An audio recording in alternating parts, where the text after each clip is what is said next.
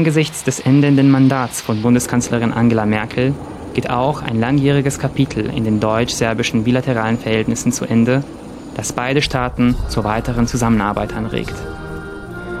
Um das gemeinsam Erreichte zu ehren und um zu besprechen, was noch erreicht werden muss, reiste die Kanzlerin am Montag, den 13. September, nach Belgrad, wo sie mit militärischen Salutschüssen von dem serbischen Präsidenten Alexander Vucic empfangen wurde. Im Mittelpunkt ihres Abschiedstreffens stand die weitere Annäherung Serbiens an die EU, wie auch wirtschaftspolitische und bilaterale Fragen. Sehr geehrter Herr Präsident, lieber Alexander Vucic, ähm, ich möchte mich zuerst für die Gastfreundschaft bedanken, mit der ich hier empfangen wurde und auch weiter empfangen werde. Es freut mich sehr, dass ich heute noch einmal nach Serbien kommen kann. Denn wir haben über die Jahre äh, unserer gemeinsamen Zusammenarbeit, ich glaube, wirklich zu einem offenen und sehr vertrauensvollen Verhältnis ähm, gefunden und haben auf dem Weg auch eine ganze Reihe von Ergebnissen erzielen können, wenngleich noch ein langer Weg auch vor äh, Serbien und der ganzen Region liegt, bis ähm, alle endlich auch dann Mitglieder der Europäischen Union werden können, denn das ist ja unser gemeinsames Ziel. Der Besuch der Bundeskanzlerin galt aber im Grunde der gesamten Region.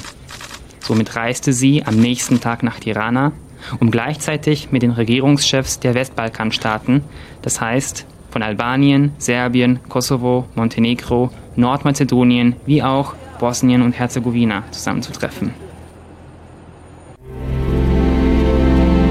Gledate paletu. Izbor iz emisija na jezicima nacionalnih zajednica.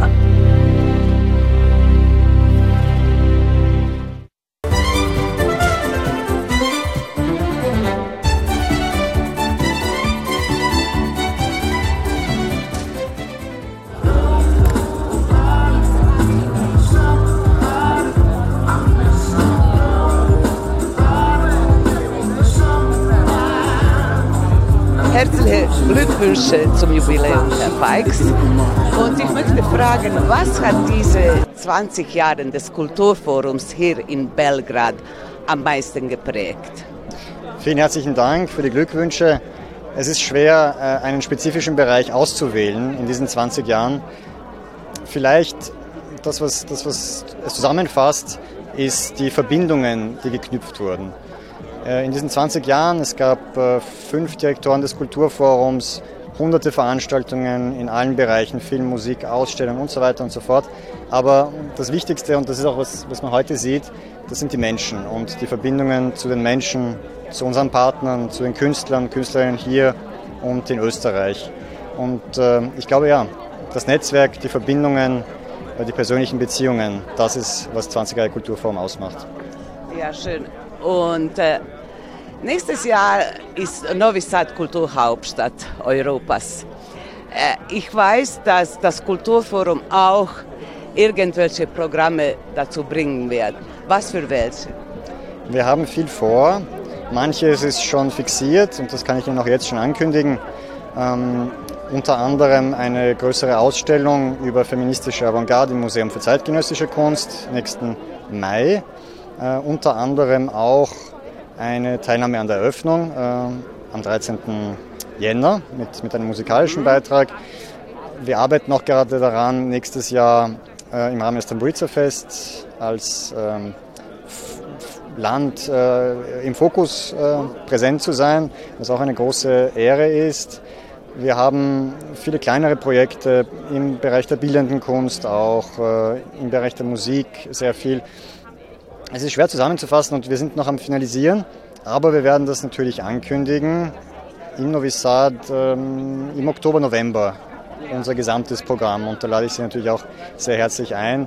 Es gibt noch ein paar größere Sachen, die noch nicht, nicht ganz fixiert sind, aber es wird auf jeden Fall äh, Novi Sad ein Schwerpunkt sein für uns, ganz klar nächstes Jahr.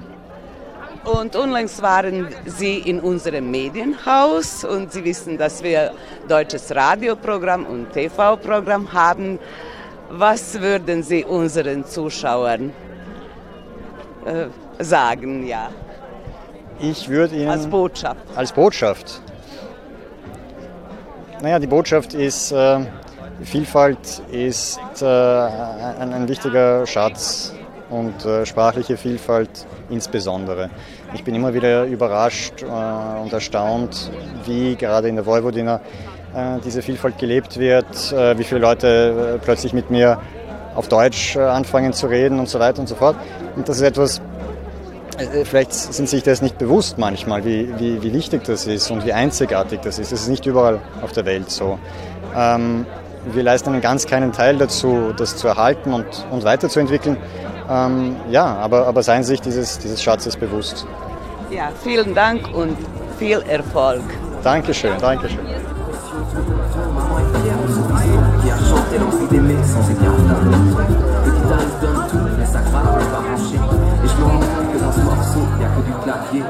Un duo commence, elle déteste la mélodie. Personne n'y voit du feu, tout public.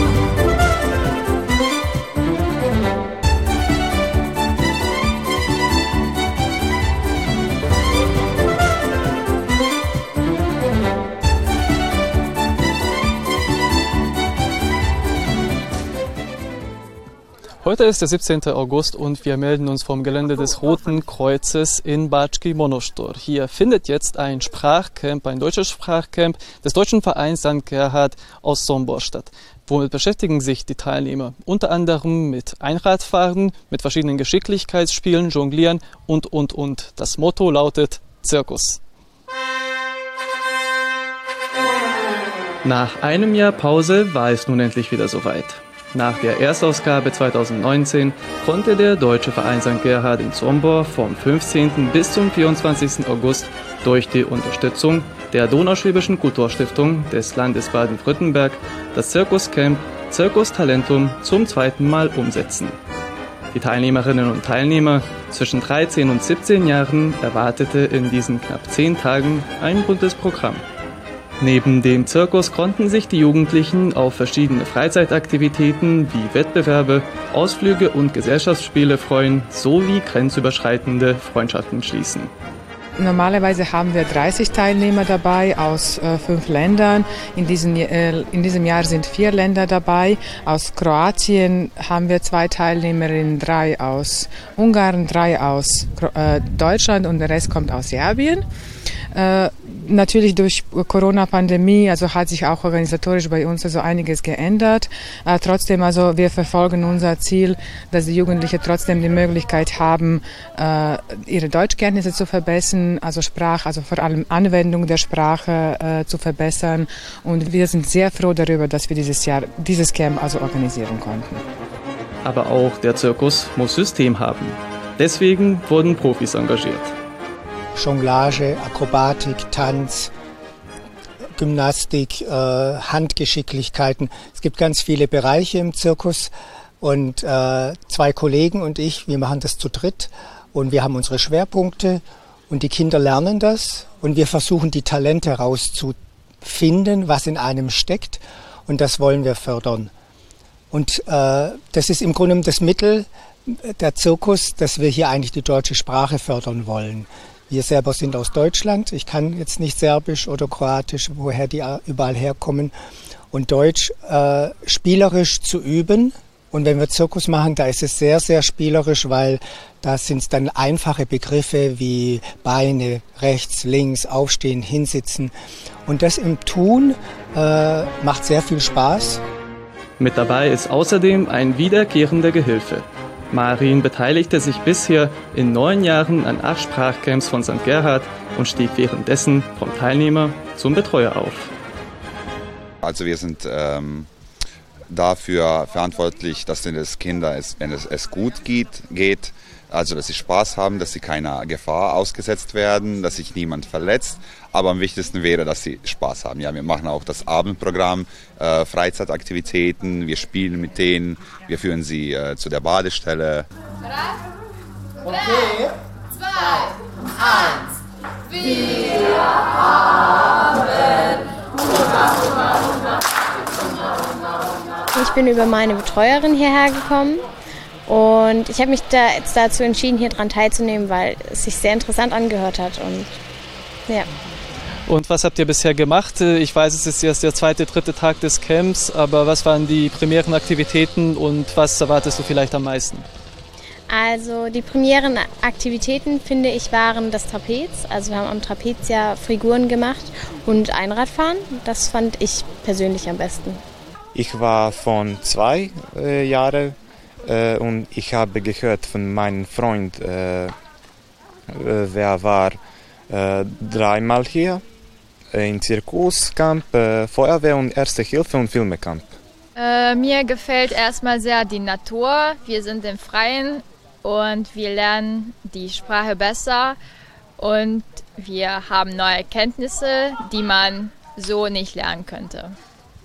Äh, also das ist meine äh, zweite Jahre hier und äh, hier man kann äh, Jonglage und Akrobationen und Tanzen verbessern. Als großes Finale wurde das Zirkuscamp am 22. August mit einer Schlussaufführung mit dem Motto Schwarz und Weiß, das Leben ist bunt beendet. Schauen Sie sich die komplette Veranstaltung auf dem YouTube-Kanal des Deutschen Vereins St. Gerhard an.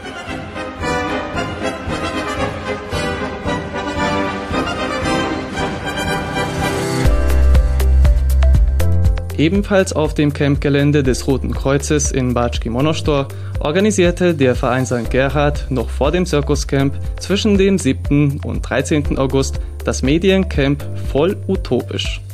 Auch dieses Projekt wurde von der Donauschwäbischen Kulturstiftung des Landes Baden-Württemberg unterstützt.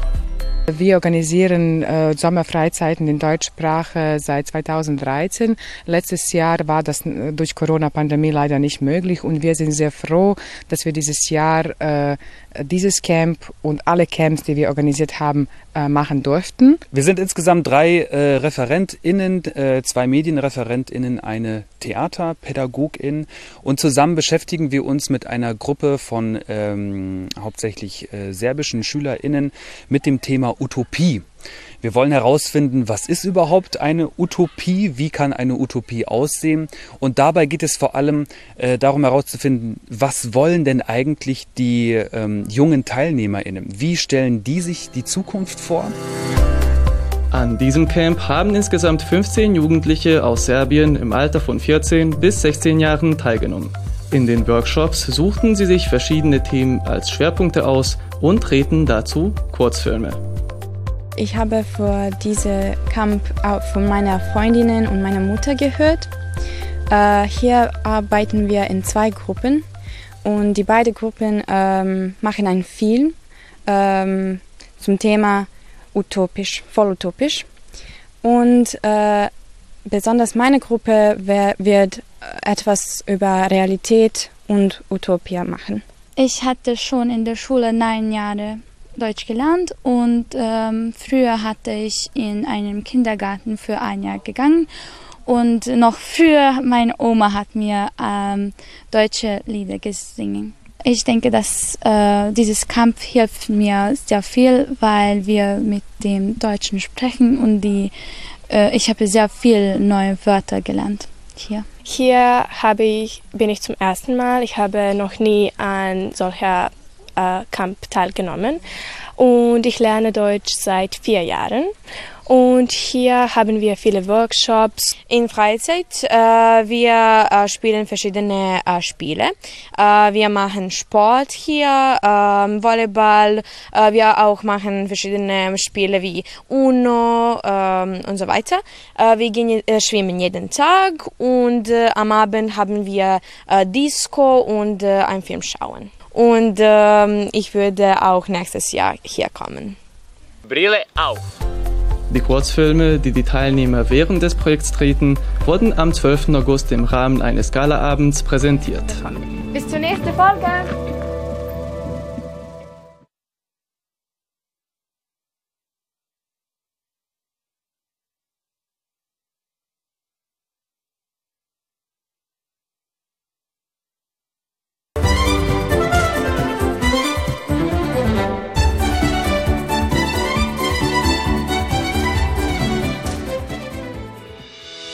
Unser Medienhaus bekam am 3. September Besuch aus Deutschland.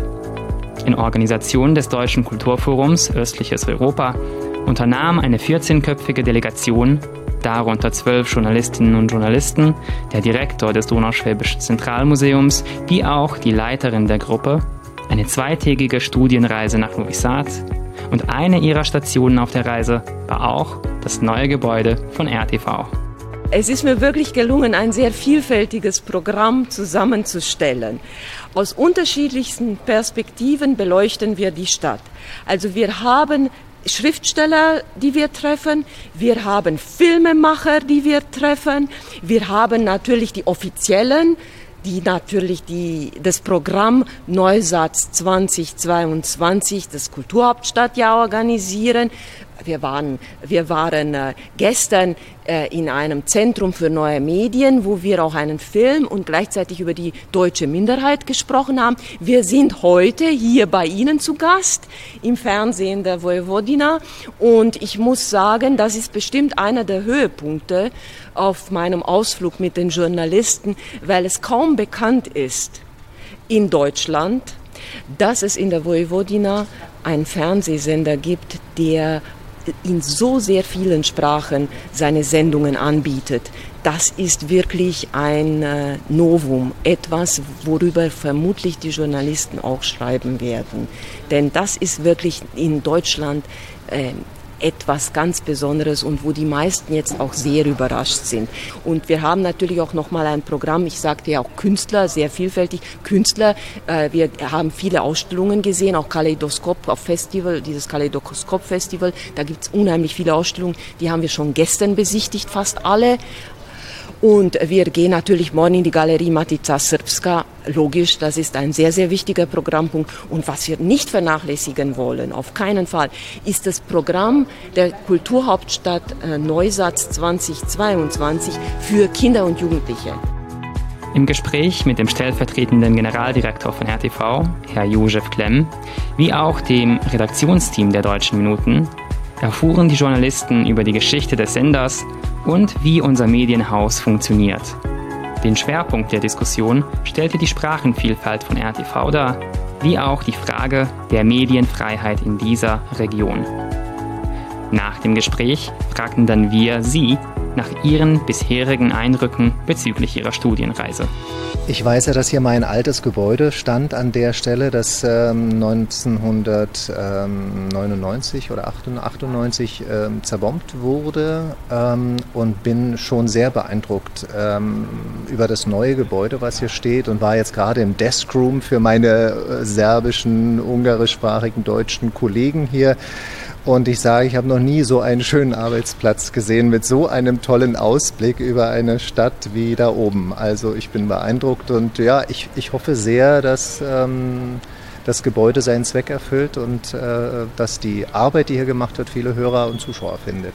Bislang haben wir auf unserer Reise äh, Büroräume äh, gesehen. Wir werden sicherlich morgen mehr sehen.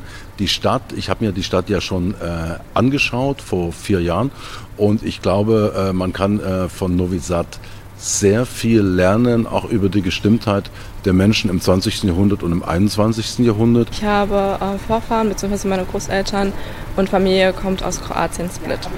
Es ist mein erstes Mal hier in Serbien und bisher bin ich äh, sehr begeistert und finde auch viele Parallelen, was mich äh, sehr, sehr freut. Also vor allem die Sprache Kyrillisch kann ich zwar nicht lesen, aber genau, ansonsten freut mich das sehr. Mich hat auf jeden Fall interessiert, irgendwie Serbien auf jeden Fall kennenzulernen. Natürlich auch mit einem klaren Programm, also jetzt nicht einfach irgendwie nur eine Stadtreise zu machen, sondern auch gezielt zu erfahren, wie sind die Medien hier, wie sind die Menschen hier und vor allem, wie sieht es mit der Kultur aus und dem Kulturprogramm für junge Menschen. Ich kenne die Vojvodina schon seit gut 30 Jahren. Ich bin so lange als Reporter und äh, Berichterstatter in der Region gewesen, auch und vor allem wegen der jugoslawischen Zerfallskriege. Also mir ist das alles bekannt. Und äh, das ist ja eine der schönen Seiten der Vojvodina, dass es eben äh, bei all den Spannungen, die es gab, äh, die auch zum Teil horrend waren, aber dass es trotzdem so ein Grundfeeling, vor allem in Novi Sad und in anderen Städten gibt, dass man äh, eben äh, so unvoreingenommen wie möglich miteinander auskommt und einander auch schätzt und respektiert. Ich kenne viele Länder in dieser Region in Südosteuropa, vor allem Bulgarien, Slowenien besonders gut. Und mich hat sehr interessiert, weil Serbien ja auch lange Zeit und immer wieder mal in den Schlagzeilen ist in Deutschland, wie es in Serbien aussieht, wie die Menschen sind und welche Unterschiede und Gemeinsamkeiten es mit anderen Ländern gibt in der Region. Und ich bin total angenehm überrascht von diesem, von diesem Sender, von diesem Gebäude, von diesem Medienhaus. Es ist eine äh, unglaublich schöne, bereichernde Erfahrung, was wir hier machen können. Ich freue mich sehr darüber.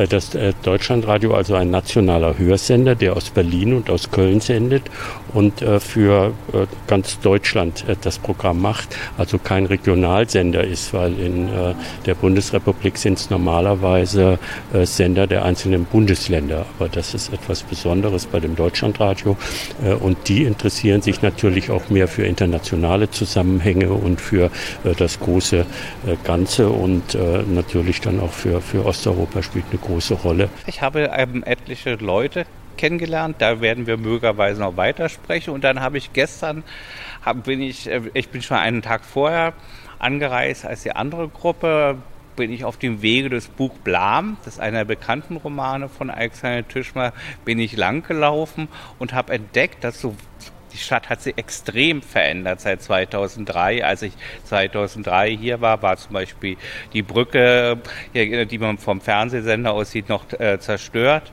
Ähm, es sind neue Gebäude dazugekommen, aber der Weg, den der Blam, diese Hauptfigur dieses Romans, den kann man noch sehr gut nachvollziehen und auch die geschichtlichen Umbrüche der Stadt. Also mit der Reise ging es mir vor allem darum, auch den deutschen Journalisten noch ein bisschen stärker zu unterstützen Richtung Novi Sad. Ich kenne Neusatz sehr gut. Unser Museum äh, gibt äh, Ende des Jahres ein Buch heraus zur Stadtgeschichte von Neusatz, das einzige deutschsprachige Stadtgeschichte. Die wird im, äh, in Deutschland im Verlag erscheinen. Und wir wollen Werbung machen, wir wollen das Kulturhauptstadtjahr nutzen, damit äh, auch die Geschichte der Deutschen hier in der Stadt und in der Region bekannt wird. Ein weiterer Interessenschwerpunkt auf ihrer Reise war auch das Programm der Kulturhauptstadt Novi Sad 2022. Besonders die Frage, wie die Literatur im Programm repräsentiert werden soll. Zu diesem Zweck veranstalteten sie auch einen Literaturabend in der Bücherei Boulevard Books, um sich einerseits mit Stellvertretern der serbischen Literaturszene austauschen zu können, aber auch um die Studierenden des Lehrstuhls für Germanistik kennenzulernen und ihre Perspektive über das Kulturhauptstadtjahr zu erfahren.